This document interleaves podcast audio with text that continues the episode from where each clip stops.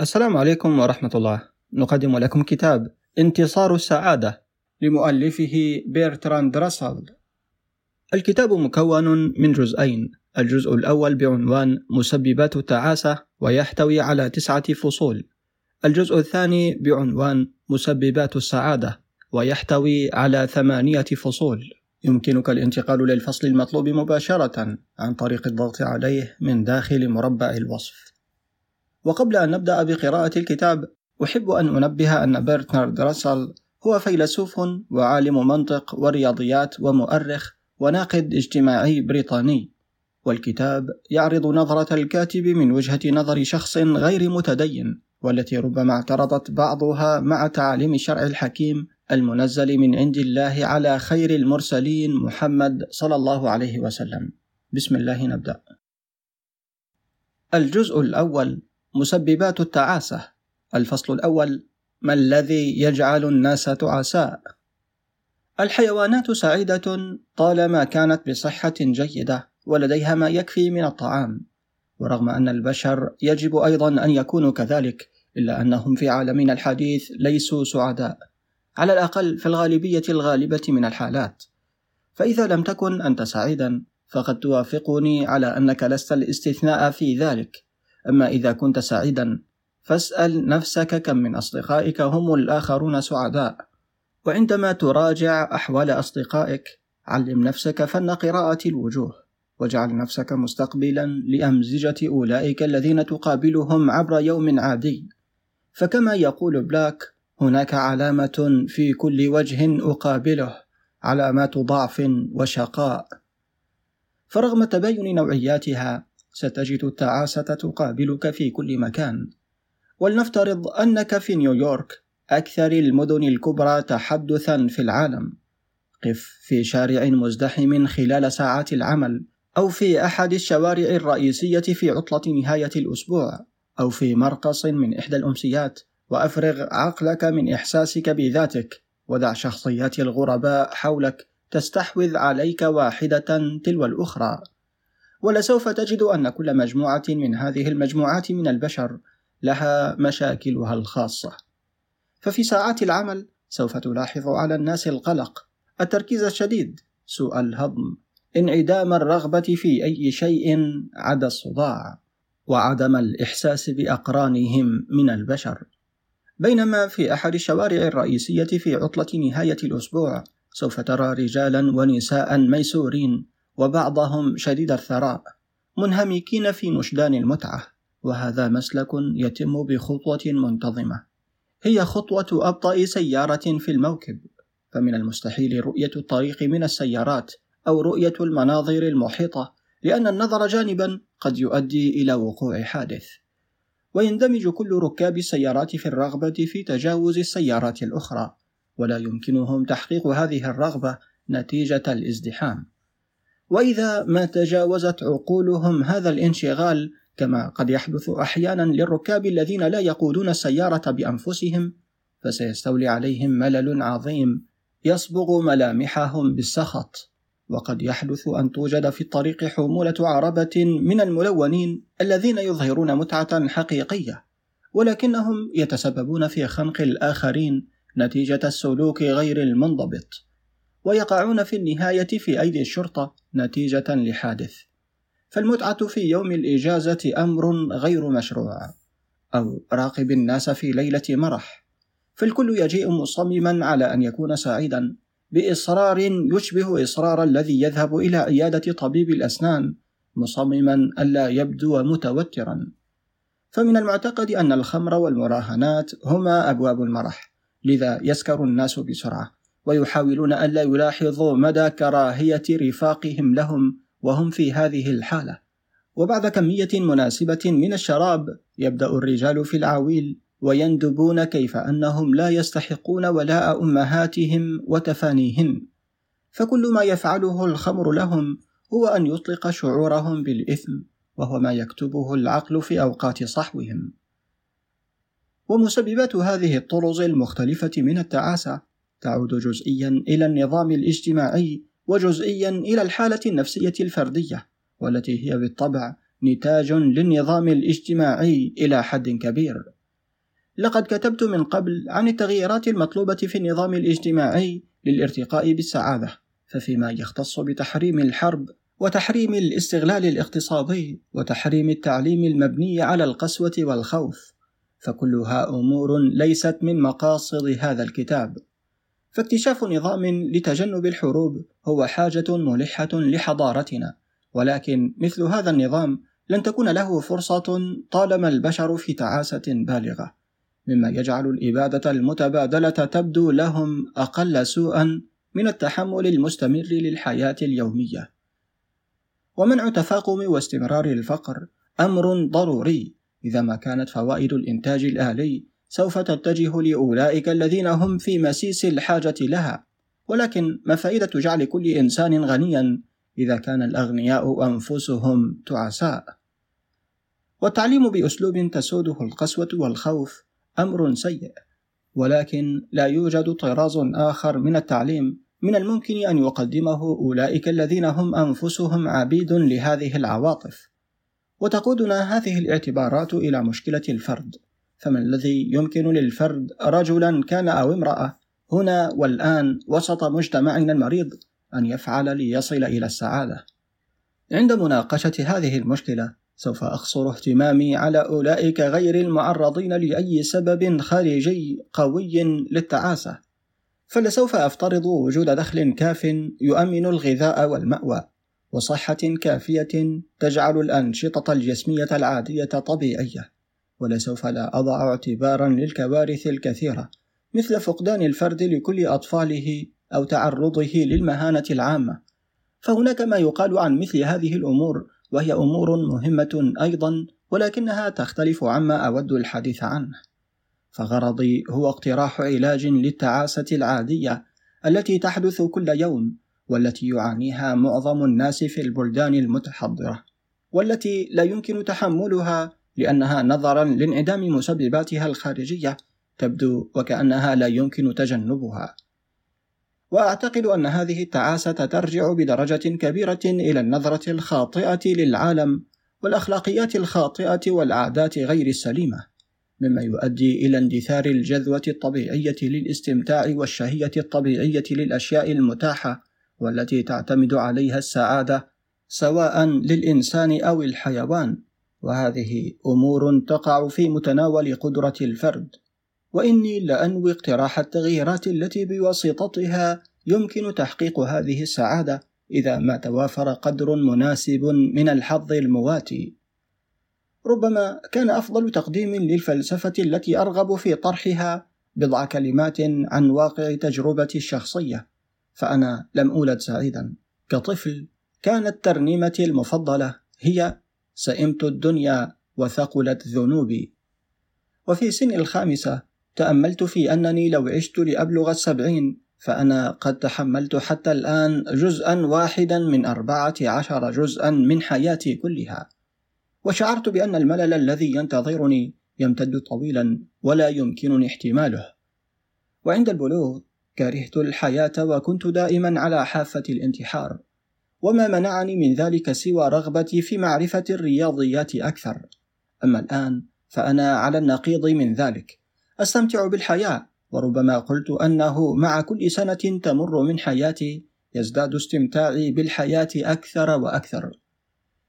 ويرجع ذلك جزئيا إلى أنني اكتشفت الأشياء التي أرغبها بشدة وأنني حصلت تدريجيا على كثير من هذه الأشياء وجزئيا إلى أنني تمكنت بنجاح من أن أطرد من ذهني بعض الرغبات مثل الحصول على معرفة يقينية عن أمر ما لأن ذلك بالضرورة أمر غير ممكن. ويعود أيضا بالدرجة الأكبر إلى اضمحلال استغراقي في ذاتي. وكغيري من الذين تلقوا تعليما دينيا كانت عادتي التأمل في ذنوبي وطيش ونواقصي وبدوت أمام نفسي بلا شك عينة وضيعة. فتعلمت تدريجيا ألا أهتم بنفسي وبنواحي قصوري وبدأت أركز انتباهي بإطراد على موضوعات خارجية مثل حال الدنيا وفروع مختلفة من المعرفة وعلى أفراد أحسست تجاههم بالحب. وفي الحقيقة فإن الاهتمامات الخارجية يحمل كل منها احتمالات الألم فالعالم قد يكون في أتون الحرب والمعرفة في بعض الاتجاهات تكون صعبة المنال كما أن الأصدقاء قد يموتون. ولكن الآلام التي هي من هذا النوع لا تدمر الخاصية الأساسية للحياة كما قد يفعل الإشمئزاز من الذات كما أن لها اهتماما خارجيا يحفز النشاط والذي طالما ظل حيا فإنه يوفر وقاية كاملة من الضيق والملل. وعلى النقيض من ذلك فالانغماس في الذات لا يؤدي إلى أي نشاط تقدمي فقد يؤدي إلى أن يحتفظ المرء بمذكرات أو أن يقوم بعمل تحليل نفسي أو ربما يصبح المرء راهبا ولن يصبح الراهب سعيدا إلا إذا جعله نظام الدير ينسى ذاته نفسها. والسعادة التي قد يرجعها مثل هذا الشخص إلى الدين كان يمكنه الحصول عليها بأن يصبح كناسا شريطة أن يكون مرغما على أن يظل كذلك فالانضباط الخارجي هو الطريق الوحيد للسعادة لأولئك غير المحظوظين الذين لا يمكن علاج انغماسهم في ذواتهم بأي أسلوب آخر.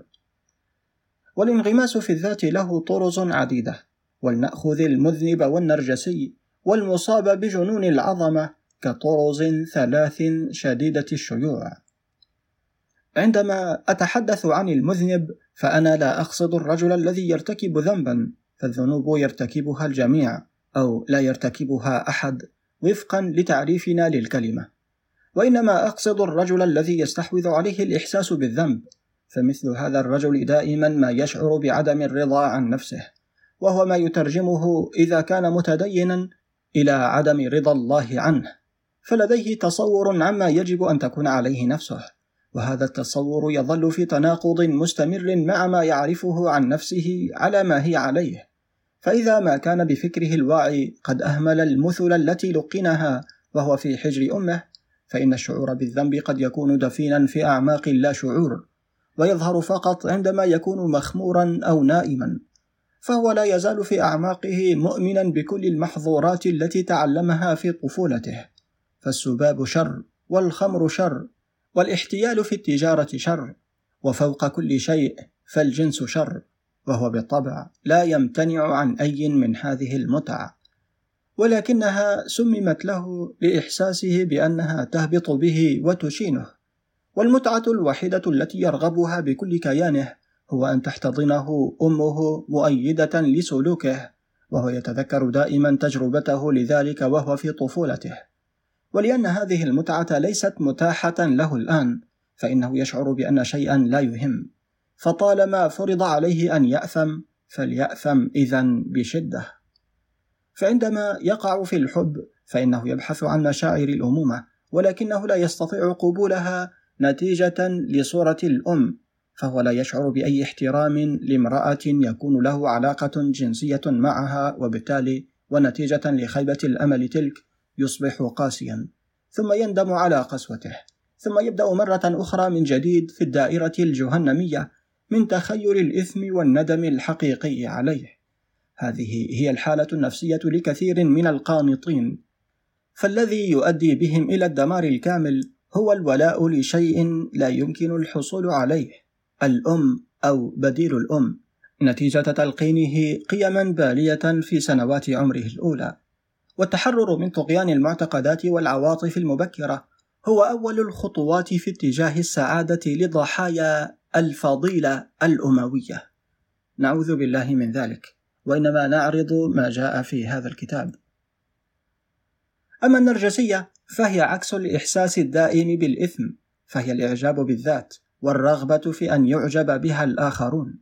هذا الإحساس يكون طبيعيا ولا غبار عليه إذا ما توقف عند حد معين، ولكنه يكون شرا مستطيرا عندما يتجاوز هذا. وبالنسبة لكثير من النساء وعلى وجه الخصوص نساء الطبقة الغنية فإن القدرة على الإحساس بالحب تكون قد جفت تماما وحلت محلها رغبة قوية في أن يعشقهن كل الرجال وعندما تتأكد إحدى نساء هذا الطراز من أن رجلا يحبها فإنها لا تجد في نفسها حاجة أخرى إليه. ونفس الشيء يحدث وإن كان بمعدل أقل مع الرجال. والمثل التقليدي على ذلك بطل رواية علاقة خطرة. وعندما يصل الغرور إلى هذا الحد لا يمكن أن يكون هناك اهتمام حقيقي بأي فرد آخر. وبالتالي لا يمكن أن يؤدي الحب إلى أي رضا حقيقي.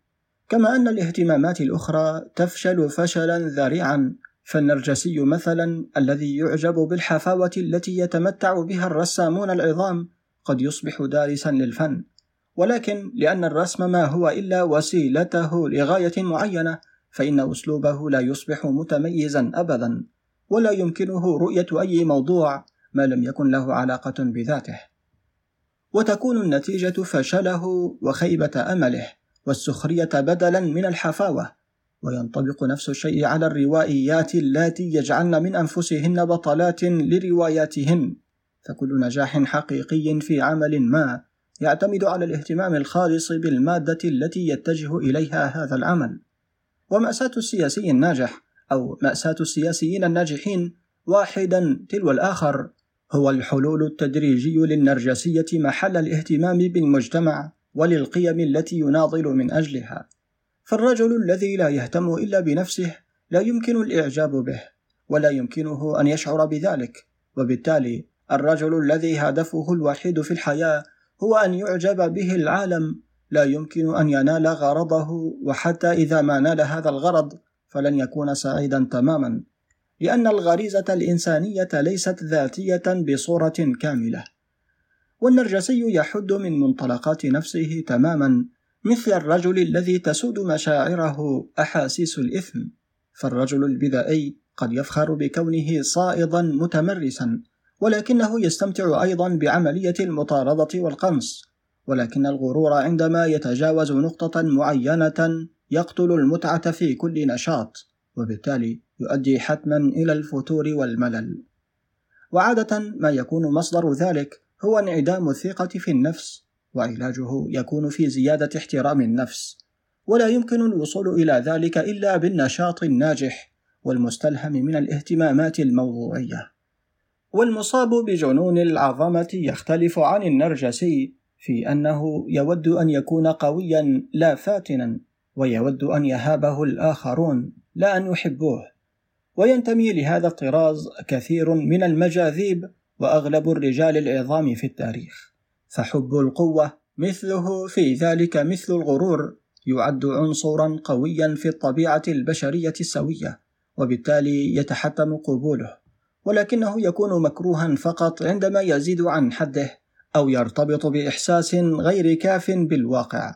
وعندما يحدث ذلك فإنه يجعل الإنسان تعيسا أو أحمق إن لم يكن كليهما معا. والمجذوب الذي يعتقد أنه أمير متوج قد يكون بمعنى أو بآخر سعيدا ولكن سعادته ليست من الطراز الذي يمكن أن يحسده عليه أي إنسان عاقل. فالإسكندر الأكبر كان من الناحية السيكولوجية من هذا الطراز من المجاذيب رغم أنه كان يملك موهبة تحقيق حلم المجذوب فهو لم يستطع تحقيق حلمه الخاص الذي اتسعت مراميه باضطراد إنجازاته. فعندما بات واضحا أنه أعظم الغزاة وأكثرهم شهرة قرر أنه إله. فهل كان سعيدا كإنسان؟ إن سكره وفوران غضبه وعدم ميله إلى النساء وادعاءه بالألوهية كل ذلك يشير إلى أنه لم يكن سعيدا. فلا يمكن أن يصل الإنسان إلى الرضا إذا ما اهتم بعنصر واحد من عناصر الطبيعة البشرية على حساب كل العناصر الأخرى. ولا في النظر إلى العالم كمادة خام لعظمة الذات. والمصاب بجنون العظمة سواء كان عاقلا أو غير عاقل هو في العادة نتاج للهوان الفائق. فنابليون عانى في المدرسة من وضاعة أصله بالنسبة لرفاق المدرسة الذين كانوا أرستقراطيين أغنياء بينما كان هو صبيا معوزا حاصلا على منحة دراسية. وعندما سمح بعودة المهاجرين كان مما يمتعه رؤية رفاق المدرسة السابقين ينحنون أمامه فيا لها من نشوة. ولكنها أدت إلى رغبته في أن يحصل على نفس النشوة على حساب القيصر فقاده ذلك إلى معتقل سانت هيلانا فحيث أنه لا يمكن لأي رجل أن يكون قادرا على كل شيء فالحياة التي يسودها حب القوة لابد وأن تواجه عقبات لا يمكن تجاوزها ولا يحول دون إدراك ذلك إلا سيطرة الجنون على الشعور رغم أن الرجل إذا ما كان عظيما بدرجة كافية أمكنه اعتقال أو إعدام أولئك الذين يوضحون له ذلك. فالقمع يتلازم معناه السياسي مع معناه النفسي وعندما يقع القمع النفسي بأي شكل جوهري لا يمكن أن توجد سعادة حقيقية. فالعودة إذا ما وضعت في إطارها المناسب قد تضيف إضافة عظيمة للسعادة ولكن وضعها كغرض وحيد للحياة يقود إلى كارثة داخلية إن لم تكن خارجية. ومن الواضح أن المسببات النفسية للتعاسة عديدة ومختلفة وإن كانت لها خصائص مشتركة.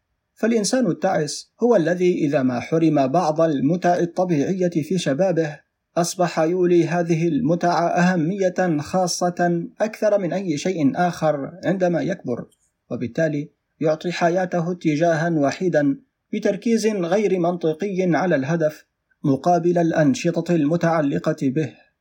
وفي هذه الأيام هناك تطور آخر شائع. فالإنسان قد يشعر بالإحباط لدرجة أنه لا يسعى لأي شكل من أشكال الإشباع ولكنه ينشد فقط الذهول والنسيان وبالتالي يصبح طاردا من المتعة بمعنى أنه يريد أن يجعل الحياة محتملة بأن يكون أقل حياة.